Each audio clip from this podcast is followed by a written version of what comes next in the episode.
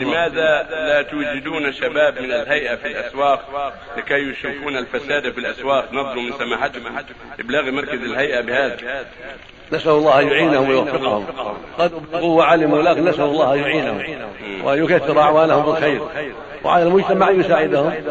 ليس أمر معروف أنه غير خاص بالهيئة يا إخوان.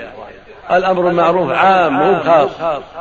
يقول الله جل وعلا والمؤمنون والمؤمنات بعضهم أولياء بعض يأمرون بالمعروف وينهون عنه. كلكم.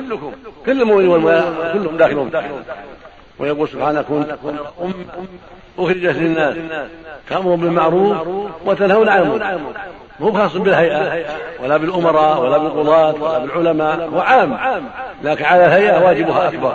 وعلى العالم واجبها أكبر. وعلى الأمين واجبها أكبر. وعلى الدولة واجبها أكبر. وإلا فالأمر مشترك. كل عليه واجبه من هذا الواجب العظيم. يقول صلى الله عليه وسلم في الحديث الصحيح. ما بعث الله من نبي في أمة قبلي إلا كان له من أمة حواريون وأصحاب يأخذ بسنته ويقتدى بأمره. ثم إنها تخلو من بعد الخلوف يقولون ما لا يفعلون. ويفعلون ما لا يؤمرون. فمن جاهدهم بيده فهو مؤمن. ومن جاهدهم بلسانه فهو مؤمن. ومن جاهدهم بقلبه فهو مؤمن. وليس وراء ذلك إلا من يحب رواه مسلم صحيح ويقول صلى الله عليه وسلم فيما رواه مسلم الصحيح من رأى منكم منكرا فليغير بيده فإن لم يستطع فبلسانه فإن لم يستطع بقلبه فذلك اضعف وش ظنكم؟ إذا مر عشرة أو عشرون هذا ينكر وهذا ينكر كيف تكون حالة صاحب المنكر؟ إذا مر عليه واحد قال يا أخي اتق الله أو للمراه اتق الله. ثم مر الثاني وقال ثم الثالث ثم الرابع. ألا ألا يؤثر هذا ألا يؤثر هذا في الناس؟ لا بد من الهيئة مو بلزم الهيئة. لو كانت الهيئة مليون ما تمد على الناس. عليكم بالتعاون مع الهيئة. بالله بالكلام الطيب من هو بالعنف بالكلام الطيب بالدعوه إلى الخير بالنصيحه العنف قد يزيد الامر شدة. لكن بالكلام الطيب يا يا يا أخي اتق الله. يا امه الله اتق الله. هذا ما يجوز. تستري اتق الله. ابتعدي عن الشر. وأنت عبد الله اتق الله. ارفع ثيابك. وفر لحيتك. اتق الله في كذا. لا تغاسل النساء. لا تكلم يعني المنكر اللي تراه.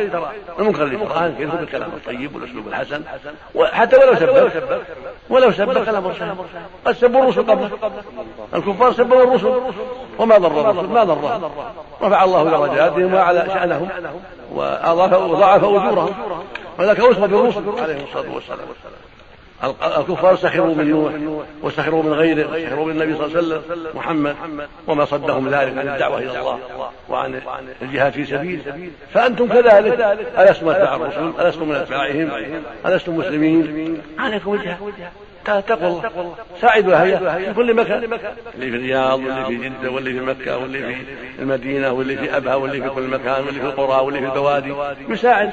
يعلم أنه جندي من جند المسلمين عليه يتقي الله. يأمر وينهى الدولة ما منعت والدولة تعين على الحق والحمد لله. لكن بس بالطريقة الحديثة.